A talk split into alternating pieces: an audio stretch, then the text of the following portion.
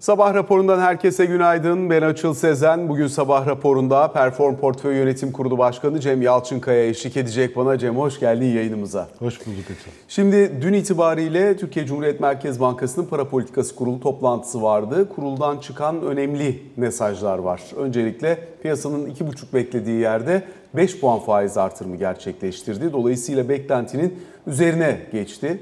Şahin mesaj verme eğilimi devam ediyor Merkez Bankası'nda. Dolayısıyla hani bundan sonra sona yaklaştığını söylüyor ama hani dezenflasyon tesisi için diyor gerekli parasal sıkılık düzeyine önemli ölçüde yaklaşıldığı değerlendirilmiştir. Parasal sıkılaşma hızı yavaşlatılacak ama sıkılaşma hızı e, ve adımları daha doğrusu e, kısa bir süre içerisinde tamamlansa bile bundan sonra özellikle miktarsal sıkılaşmayla yola devam edilecek. Artı uzunca bir sürede kısa e, vadede atılmış bu adımların yanıtları enflasyon bacağında alınana kadar sıkı durmaya devam edeceğiz diyor.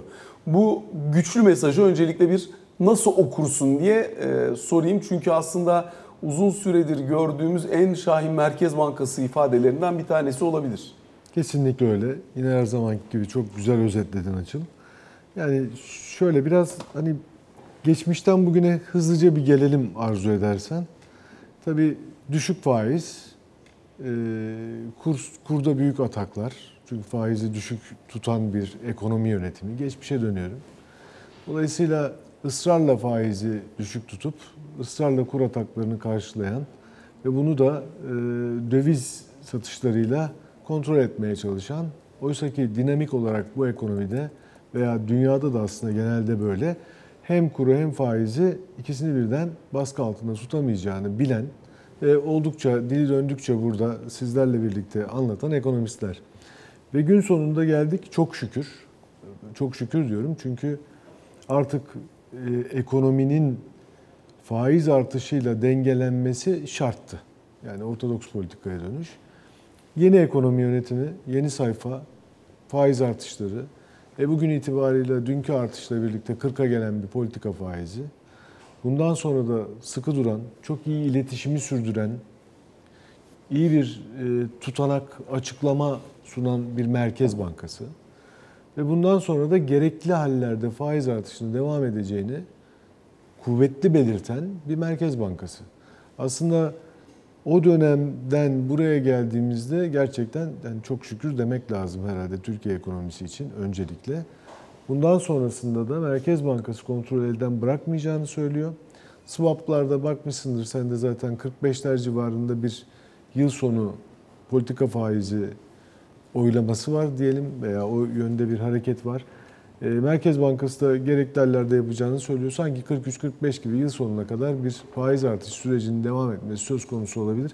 Çokça söylenen, evet yani 43.9 beklenen enflasyon bir yıl sonraki e, bileşiklendirdiğin zaman bunu 49'a gelen bir faiz ve pozitif reel faizin ortaya çıkması söz konusu. Bu zaten çokça dile getirildi. Ama gerçekten uzun zaman sonra pozitif ve reel faize geçmiş bir para politikası e, karşımızda duruyor. Tabii bir yandan da e, kuru da belli bir e, kademeli bir biçimde yukarı doğru götüren bir anlayışla sistem yürüyor. Burada risk olarak neyi görüyorduk açıl? Aslında kur korumalı mevduat. Yani hem faizi hem kuru baskıladığın bir dönem sürecinde Allah'tan kur korumalı mevduat gibi bir ürün çıkarttın ve sistemi o dönemde kur korumalı mevduat üzerinden tutmayı başardın aslında.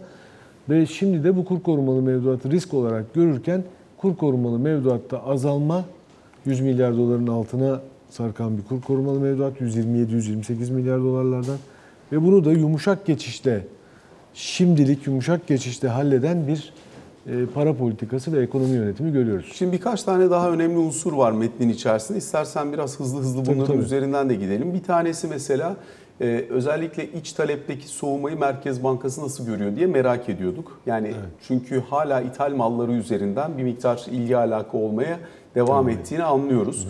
E, Dolayısıyla Merkez Bankası tabii daha fazla veriye sahip olduğu için onların çekirdek gözlemi anladığımız kadarıyla iç talepte dengelenmenin hissedilir hale gelmeye başladığına işaret ediyor.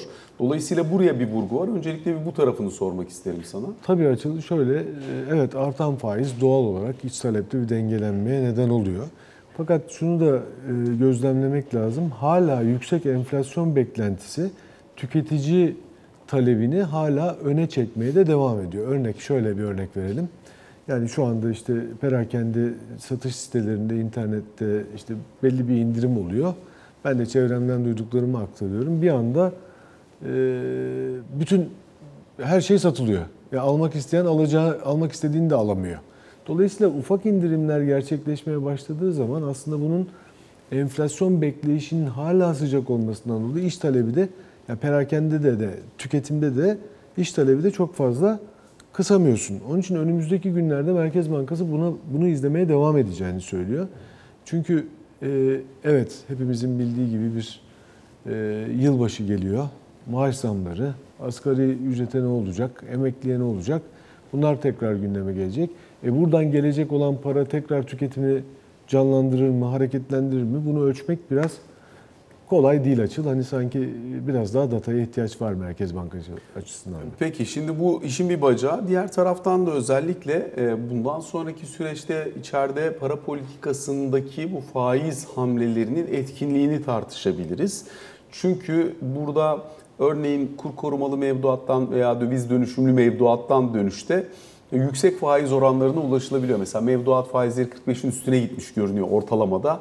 Ama bunun tabii önemli bir kısmı e, Oraya. buradan geliyordu. Yani dolayısıyla sen düz TL mevduat sahibi olarak gittiğinde bankaya çok doğrudan bir o faizi bulma şansı bulamıyordun. Şimdi tabii politika faizi 35'ten 40'a gelince büyük olasılıkla düz TL mevduattaki o açığın da kapatılması belirli bir seviyeden sonra e, bu politika faizinin üzerinde oluşması beklenebilir herhalde.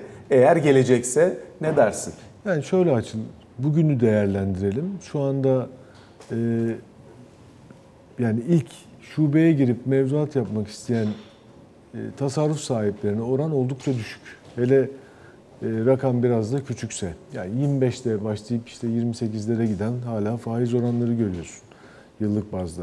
E biraz daha yüksek para değerlendiriyorsan hani bizim gibi fonlar vesaire e, aylık bazda 38'leri falan görüyorsun.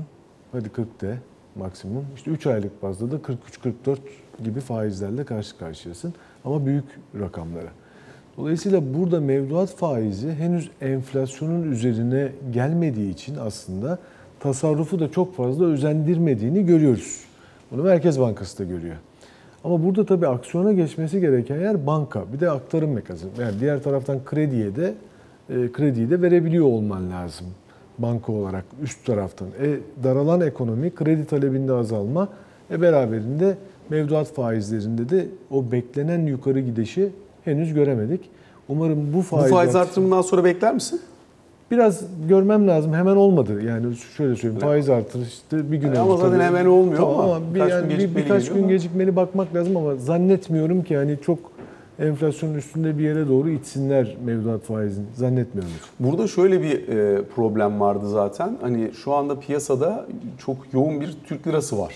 Evet. Yani burada zaten hani faiz seviyesi yüksek olduğu için gerek kur korumalı mevduattan dönüşlerde daha yüksek faiz alınabildiği gerek seçim öncesinde bağlanmış çok çok yüksek faizli paranın dönüşü bugünlere de yani bu dönemlere de sirayet ettiği için piyasada çok fazla likidite var ve aslında kredi piyasası da daralmaya başladığı için mevduatla gelen o fazla TL piyasada kalıyor. Çok doğru. Dolayısıyla burada bankanın daha yüksek mevduata gitmesi için bir miktar TL açığı olması lazım. O yüzden Merkez Bankası zaten miktarsal sıkılaşmayla bundan sonra devam edeceğiz diyor. Yani zorunlu karşılık hamlesi daha bekler misin bir? Bunun dışında miktarsal olarak sıkılaşmayı görebileceğimiz başka neler olabilir bundan sonrasında? Yani miktarsal sıkılaştırma deyince biraz evvel söylediğim gibi ilk akla gelen işte zorunlu karşılıklardaki artış. Yani biraz daha içeri doğru çekmeye çalışacaktır. Benzeri bir sürü buna benzer belki produktlarla, ürünlerle yine Merkez Bankası miktarsal sıkılaştırmaya azaltacak. Benim de aklım açıkçası şöyle bir avazda hemen şunu da yapar demek biraz zor açıkçası ama mutlaka yaratıcı bir şeyler yapacak miktarsal sıkılaştırmaya yönelik. Diğer taraftan söylediğin şey çok önemli. Yani bol likidite var. Likiditeyi plase edemiyorsun. banka olarak. Çünkü kredi veremiyorsun. Bu faizlerden kredi e, Talebi zor çok yüksek olmuyor. olmuyor. Olana da sen vermiyorsun falan böyle bir durum söz konusu. O yüzden tabii ekonominin daralması beklenti, büzüşmesi beklenti. Aslında diğer dünya ekonomilerine baktığın zaman gelişen ülkelerde aslında faizi arttırdılar, reel faiz verdiler. Ekonomi e, büzüştü. Resesyona girmedi. Derin resesyon olmadı. Özellikle Amerika Birleşik Devletleri, Avrupa Birliği için söylüyorum. Derin res- resesyonun kenarından geçip yani e, ılımlı bir resesyonla tekrar büyüme patikasına dönmeye çalışan bir dünya küresel ekonomi görünürken biz tabii hala faiz artış tarafındayız. Ekonomiyi ne kadar büzüştüreceği konusu bir soru işareti. Yani önümüzdeki dönem çünkü tabii ki üreticilerle sen de görüşüyorsun, ben de çok sıkça görüşüyorum ihracatçılarla. E bu girdi maliyetleri TL olarak yükselirken diğer taraftan e, ihracat yaptıkları kur belirli bir oranda artıyor. Dolayısıyla ihracat içinde aslında çok kolay günler değil bu günler. Üretim için de öyle. Çünkü iç piyasada satış yaptığın zaman da yavaş yavaş işte yazılan çekleri görüyoruz. Önemli bir artış var. Yani alacak riski yani biz aslında risk yönetimi tarafında biliyorsun hani piyasa riski, kredi riski, operasyonel risk. Piyasa riskini tamam anlıyoruz hepimiz. Onun üzerinde eksper olduk hep birlikte ama kredi riski tarafı da ön plana çıkmaya başladı. Bu ne? Şirketlerin alacakları üzerinde bir sıkıntı söz konusu olabilir. Vade var şirketlerin al- alacaklarında iç piyasada satışlarda. Yani düşün 120 gün vadeyle çalışıyorsun. Daha yüksek var ama sen aslında malı sattığın şi- kişiyi, firmayı neyse fonluyorsun. Ve fonlama maliyetin çok yükselmeye başladı. Aylık yüzde dört, yüzde dört buçuk. E sen bunu nasıl fonlayacaksın? Ne kadar düşünsene 3 ayda yüzde on beş kardan gidiyor. 3 aylık vadeli alacağın varsa eğer. Artık vade farksız kimse kimseye mal vermemeye başlıyor. E zaten. yani öyle başlıyor ama bu sefer de satamıyorsun. Yani bu sefer de vade farkı alıcı... varsa sen de onun fiyatının üstüne yediriyorsun. Ha vade farkıyla satmaya çalışıyorsun ama vade farkıyla da bu sefer rekabette gerçekten yine bir zorlanma var. tabii. E Yani dolayısıyla üreticinin ve ihracatçının işi önümüzdeki dönemde biraz zor. Tekrar şuraya döneceğim. Ekonominin ne kadar büzüşeceğini göremiyoruz henüz. Yani bu faiz artışı tabii şimdi doğru yapılıyor, şükür para politikası falan diyoruz ama ekonominin geneli üzerinde ne kadar daralmaya e, neden olacağını şu anda görmek oldukça güç. İç piyasa gerçekten zorlanıyor. Dış piyasa zaten zor. Dış piyasaya satmak zaten zor. Üstelik Çin, Hindistan gibi oldukça agresif e, bir şey varken ortada, e, rakipler varken ortada, Güneydoğu Asya genelini de söyleyebiliriz. Oldukça zor. Avrupa Birliği ile biliyorsun Hindistan arasında bir serbest ticaret anlaşması söz konusu. Birinci chapter, birinci bölüm hazır giyim. Yani biz hazır giyimde, tekstilde zorlanıyoruz açıl. bayağı zorlanmaya başladı hatta son dönemde. Bununla ilgili de bayağı fazla itiraz var. Fakat şu da var. Özellikle tabii politika faizini yükselttiğin zaman bunun otomatik olarak etkilediği belirli alanlar var. Bu alanlardan bir tanesi hane halkının tüketimi ve özellikle kredi kartındaki e, uygulanan e, azami faiz oranı. Şimdi böyle olduğu zaman normal koşullar altında Türkiye'de Hatta finansal istikrar raporunun içerisinde yer alan önemli konulardan bir tanesiydi. Dün de faiz yayını sırasında bunu konuştuk. Ee, Burada geliri 25 bin liranın altında olan kesimin örneğin kredi kartı bakiyesine kalma oranı %60'larda. Daha yüksek seviyeye çıktığın zaman gelirde örneğin 100 bin ve üzerinde %30'lara düştüğünü görüyoruz. Ee, Diğer taraftan yine e, bu kesimin özellikle dar gelirli kesimin enflasyon karşısında yüksek kredi kartı faizleriyle de zorlanmasının önüne geçebilmek adına bir düzenleme daha yapıyor Merkez Bankası. Diyor ki yıl sonuna kadar burada artış olmayacak. Tabii önümüzdeki yıldan itibaren ne olacağına bakacağız ama hani yıl sonuna kadar bu olmayacak diyor. Öte yandan yine zorlayan bir başka alan ihracat tarafı. Çünkü reskont kredilerindeki u- uygulanan faizin politika faiziyle birlikte hareket etmesi e, söz konusu. 35 iken 36,5'lar civarındaydı reskont maliyeti. Şimdi e, burada da düzenleme ile deniliyor ki e, biz burada iskonto oranını %25.93 ile sabitliyoruz. Dolayısıyla ihracatçının bu noktada yaşayacağı ekstra finansman maliyeti yükünden de kurtulmasını sağlıyoruz. Eğer ki döviz kazandırıcı hizmete dönük bir yatırım amacın varsa onun için de Dün Hazine ve Maliye Bakanı Mehmet Şimşek de büyüklüğünü açıkladı. Yıllık 100 milyar e, üzerinden e, 300 milyar e, liralık bir e, yatırım taahhütlü avans kredisi imkanı verilecek. Burada da faiz 15 ile 30 arasında kalacak. Yani politika faizi 40'a gitmiş olmasına rağmen bu kredilerde de buralarda duracak. Dolayısıyla biz ilk defa yan etkilerini ve toplumun farklı alanlarından yükselebilecek sesleri en azından bertaraf edecek ince ayarlı bir şahinleşme mesajı görmüş olabilir miyiz? Kesinlikle bunların hepsi altına imza atılacak şeyler. Makro ihtiyati tedbir gibi bakalım buna. Çünkü evet ihracatla büyümek istiyorsun. Zaten uzun zamandır ihracatı desteklemeye çalışıyorsun. Reeskont kredileriyle ve Exim Bank üzerinden. Exim Bank iyi ki var bu arada. Yani dolayısıyla Exim Bank üzerinden ihracatçıları desteğe devam ediyorsun ve dün açıklanan kararlar altına imza atılabilecek kararlardır hepsi. Dediğin gibi 25.93 e, reeskont faizini sabit tutmak.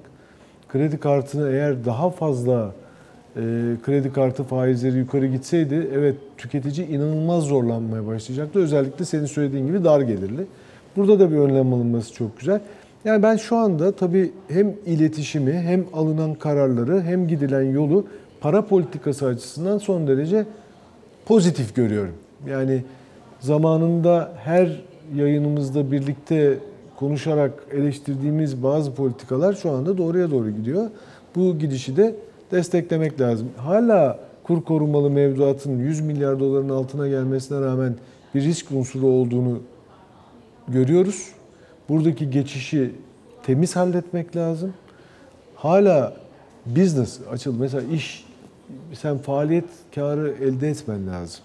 Faaliyet karı elde etmediğin sürece orta uzun vadede sıkıntıya girersin. Faaliyet karı bizde ne demek? Bizim tek işimiz ticaret aslında.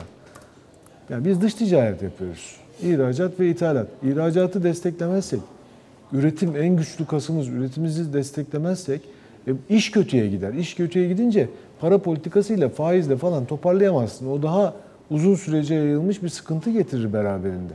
O yüzden faaliyeti de iyi tutmamız lazım. Bunun için de önlemler alıyorlar ama bu önlemleri daha da yaygın hale getirmek lazım diye düşünüyorum. Şimdi e, tabii etkilerini daha görmedik tam olarak ama görmeye başlayacağız faiz artırımını. Piyasa bacağındaki etkileri üzerinden birazcık devam edelim istersen. E, dünkü ilk tepkiye bakacak olursak mesela e, faiz kararının ardından piyasada ne oldu diye. Mesela e, uzun vadeli TL fiyatlaması üzerindeki etkisinin pozitif gerçekleştiğini görüyoruz. Arkadaşlar mesela ekrana alırlarsa şimdi burada e, 25 günlük delta risk reversal yani alım ve satım opsiyonları arasındaki farka baktığımız zaman burada TL lehine hamlenin gerçekleştiğini söyleyebiliriz bir. İkincisi özellikle bir yıllık opsiyon volatilitesine baktığımızda aylıkta zaten düşük seviyelerdeyiz. Oralarda çok bir problem yok. %8'ler civarında hatta dün %7,5'a kadar neredeyse geriledi opsiyon oynaklığı ama e, bir yıl sonrasına dönük oradaki fiyatlamaya baktığın zaman onun da kabaca bir 3-4 puan kadar aşağı geldiğini gözlemliyoruz. Yani 48'lerden 43'lere doğru. Yani aslında bizim uzunca bir süredir söylediğimiz faizi düşürerek aslında paranın maliyetini e, daha da yükseltme temasından şimdi Merkez Bankası özellikle dünkü hamlesiyle birlikte net bir şekilde faiz artırarak faiz düşürmüş oldu. Çok doğru. Piyasa etkisini belki biraz bu gözle de konuşmakta fayda olabilir. Orta uzun vadede TL borçlanmanın maliyeti veya TL'yi taşımanın maliyeti üzerinden hesabı kitabı bir kez daha yapmakta fayda olabilir bundan sonrasında ne dersin? Çok doğru. Yani e, hep konuştuk. Hep dilimiz döndüğünce anlatmaya çalıştık. Gerçekten çok iyi bir tanımlama. Faiz artırarak faizi düşürüyorsun. Bugün e, yayınlanan Bloomberg Business Week'in e, yeni sayısında da e, bununla ilgili olarak e, arkadaşlarımızın hazırladığı, Yarkın hazırladığı bir makale var. Grafiğiyle birlikte orada da izleme şansı, okuma şansı bulabilir e, takipçilerimiz, izleyicilerimiz. Hakikaten e, uzun süredir görmediğimiz bir tema gerçekleşmiş oldu diyebiliriz yani. Gerçekten öyle. Yani hakikaten beklenen ve istenen tarafa doğru gidiyoruz. Onun için buraya doğru giderken gerçekten riskleri bertaraf etmek lazım. Bunların içinde siyasi riskler olabilir. Tabii ki ekonomi zaten işin merkezinde ama hakikaten bertaraf edip artık bu yolda emin adımlarla ilerlemek lazım. Merkez Bankası'nın duruşu bize bunu bu güveni sağlıyor piyasa açısından baktığımızda. Normalleşme hızla yürüyor. Yani 2 yıllık benchmark bonoyu dün 42'ler seviyesine yaklaşmış bulduk. Yani dolayısıyla artık normalleşme sürüyor ve uluslararası küresel piyasanın bir aktörü olmaya doğru gidiyoruz. E tabi deregülasyon tarafında şimdi daha önceki ekonomi yönetimi tarafından getirilen regülasyonların bir kısmı daha düzeltilmeli zaman içerisinde. İşte hep konuşuyoruz swaplar e, gibi veya hala ihracatçının %40 dövizi tabi bu şu anda çok büyük bir gereklilik Merkez Bankası üzerinden dönüyor. Yani kabaca 250 milyar dolar ihracat yapıyorsan açıl her yıl 100 milyar dolarını Merkez Bankası üzerinden döndürüyorsun. Yani dolayısıyla bu da tabii kuru belli bir e, seviyede tutmayı veya belli bir seviyede yukarı götürmeyi sağlıyor. Fakat bunlar tabii artık yavaş yavaş bunlar da normalleşecektir diye bekliyoruz.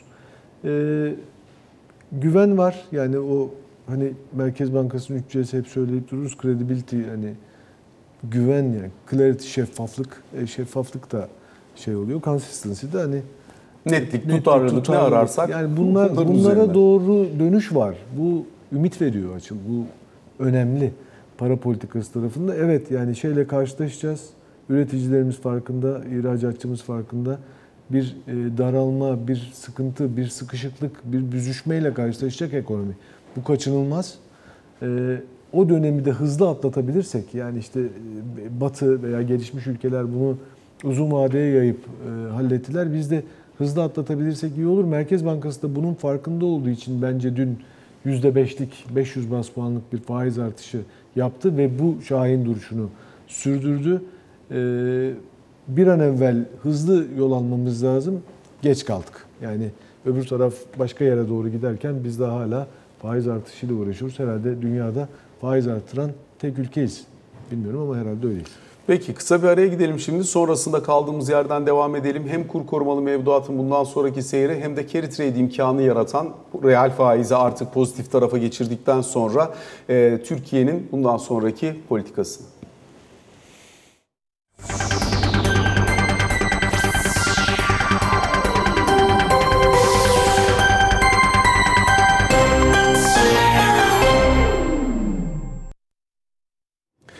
Sabah raporunun ikinci bölümünde karşınızdayız. Perform Portföy Yönetim Kurulu Başkanı Cem Yalçınkaya ile sohbetimize kaldığımız yerden devam ediyoruz. İlk bölümde özellikle biraz girizgahını yapmıştık ama kur korumalı mevduat meselesi.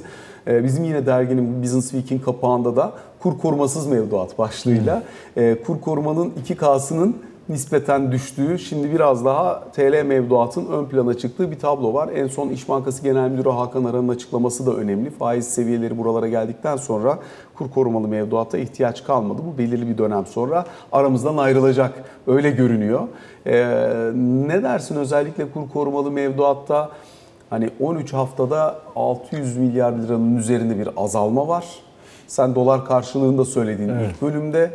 E, Buradan sonra çıkış hızının azalmasını bekler misin? Aradaki makasın, getiri makasının açılmasını bekler misin?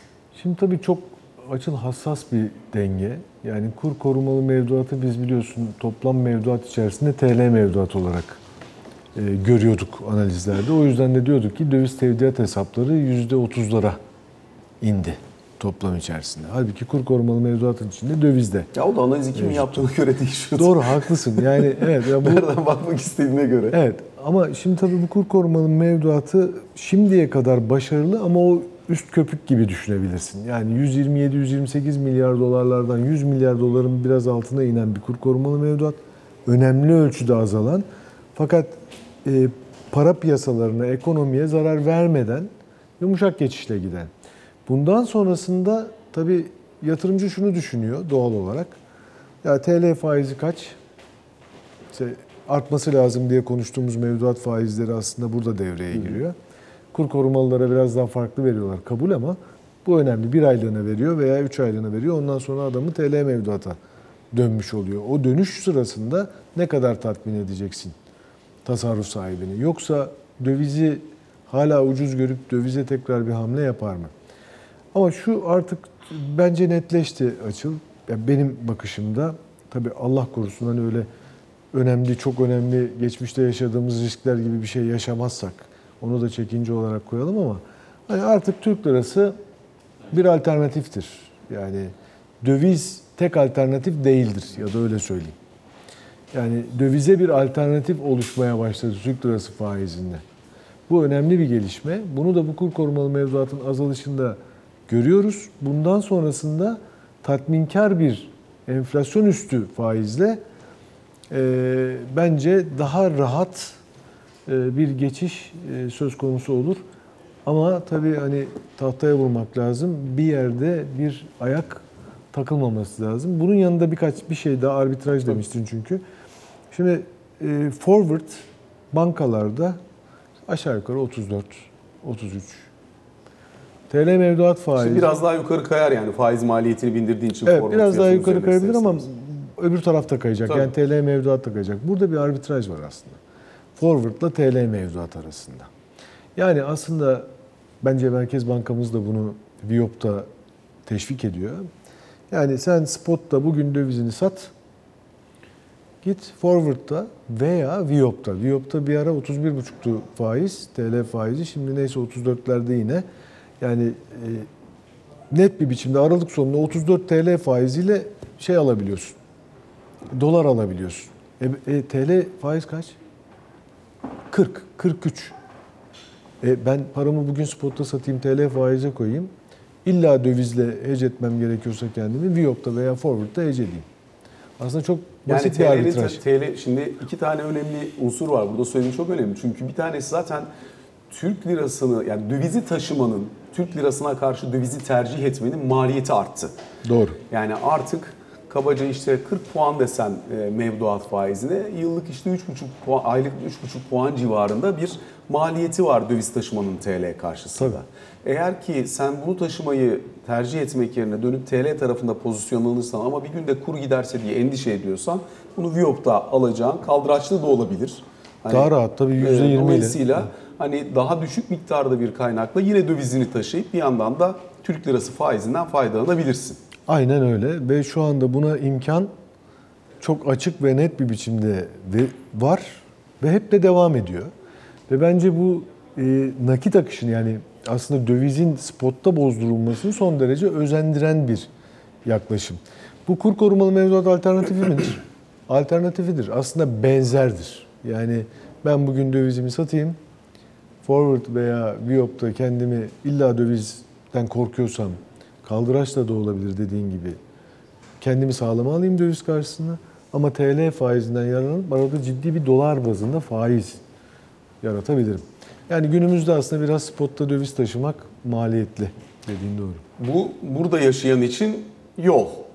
Doğru. Aynı zamanda Türk lirası bir taraftan da uluslararası yatırımcı için de artık daha cazip hale geldi mi diye de sorabilirim. Bu da bir carry trade imkanı sağlar mı? Türkiye'de, dünyada Sağlar. aslında gelişen ülkeler bu yılın ilk yarısında muazzam para yaptılar. Faiz yüksek, Amerika'da faiz oranı daha yavaş yavaş artıyorken yılın ilk yarısında inanılmaz getiriler elde etti gelişen ülkeler.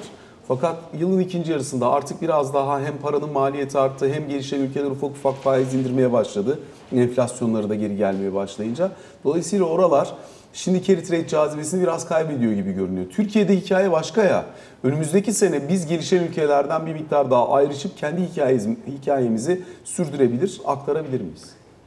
Şöyle biraz hızlı koşmamız lazım. Merkez Bankası da hızlı koşuyor.